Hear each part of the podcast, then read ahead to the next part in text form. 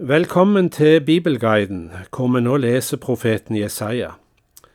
Vi kommer fram til kapittel 36 som det første kapittel av fire i det som vi kaller for historieboken. Her har den som har skrevet ned og samla alle de forskjellige skriftene i Jesaja-boka, tatt med historiske skrifter, som vi òg finner nesten ordrett i andre kongebok. De to første kapitlene viser bakover til de profetier og utsagn vi har hørt om til nå i Isaiah-boka. Og profeten har flere ganger forutsagt at Jerusalem skal bli redda fra asyrernes angrep på Jerusalem.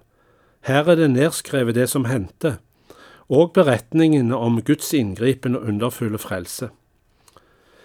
I kapittel 36 hører vi at den asyriske kommandanten står fram og truer Jerusalems ledere.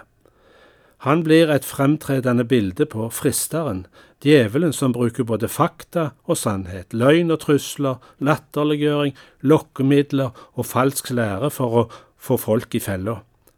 Det er denne personen Jesaja gang på gang har profetert og sagt at til slutt skal det bli satt en stopper for han og all den ondskap han representerer. Slik blir hendelsen vi nå skal høre, en anskuelsesundervisning og en erfaring som lærer folket hva Guds frelse går ut på. Vi leser nå første del av beretningen om fiendeherrens beleiring av Jerusalem i Jesaja kapittel 36. Det skjedde i år 701 før Kristus. Det var i det fjortende året Hiskia var konge at asyrkongen Sanherib dro opp mot alle de befestede byene i Juda og tok dem.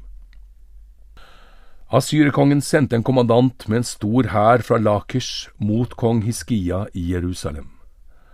Han stilte seg opp ved vannledningen fra Øvredammen ved veien til vaskeplassen. Da gikk borgherren Eljakim, sønn av Hilkia, ut til ham sammen med riksskriveren Skjebna og kansleren Joa, sønn av Asaf. Kommandanten ropte til dem, Si til Hiskia, så sier storkongen, kongen av Assur, hva er det du stoler på, siden du kjenner deg så trygg? Mener du virkelig at tomme ord er råd og styrke i krig? Hvem er det du stoler på, siden du har gjort opprør mot meg? Du stoler på Egypt, den brukne rørstaven. Om noen støtter seg på den, trenger den inn i hånden hans og gjennomborer den. Slik er farao, kongen i Egypt, mot alle som stoler på ham. Men hvis du svarer meg, det er Herren vår Gud vi stoler på, da spør jeg deg, var det ikke hans offerhauger og alteret Hiskia tok bort da han sa til folket i Juda og Jerusalem, bare foran dette alteret skal dere bøye dere og tilbe? Inngå nå et veddemål med min herre, kongen av Asur. Jeg gir deg to tusen hester, hvis du kan skaffe ryttere til dem hvordan kan du da drive tilbake en eneste stattholder? En av min herres minste tjenere, du som stoler på vogner og ryttere fra Egypt? Tror du at jeg har dratt opp mot dette landet for å ødelegge det mot Herrens vilje? Herren selv sa til meg, dra opp mot dette landet og ødelegg det. Da sa Eljakim, Skjebna og Joa til kommandanten.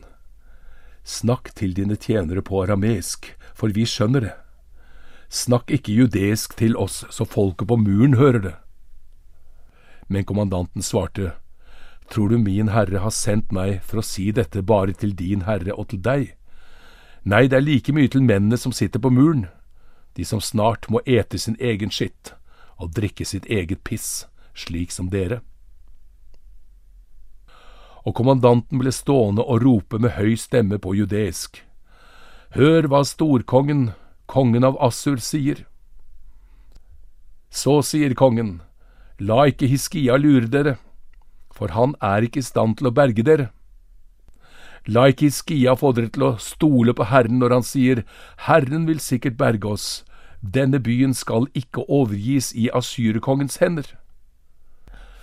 Hør ikke på Hiskia for så sier kongen av Assur, slutt fred med meg, og overgi dere til meg, så skal dere få spise, hver av sin vinstokk og sitt fikentre, og drikke vann hver av sin brønn, inntil jeg kommer og tar dere med til et land som ligner deres eget, et land med korn og ny vin, et land med brød og vingård. La ikke Skia villede dere og si Herren vil berge oss. Har kanskje andre folks guder reddet sine land fra asyrekongens hånd? Hvor er Hamats og Arpads guder? Hvor er Sefarvaims guder? Har de reddet Samaria ut av min hånd? Hvem er det av gudene i alle disse landene som har reddet sitt land ut av min hånd? Og så skulle Herren kunne berge Jerusalem. De tidde og svarte ikke et ord, for det var kongens ordre at de ikke skulle svare ham. Så kom borgherren Iljakim, sønn av Hilkia, riksskriveren Skjebna og kansleren Joa, sønn av Asaf, med flerrede klær til Hiskia, og de meldte ham det kommandanten hadde sagt. Trusselen den er reell, redselen brer seg i byen, og i neste utgave av Bibelguiden skal vi lese om Guds redning. Det gikk slik profeten hadde forkynt.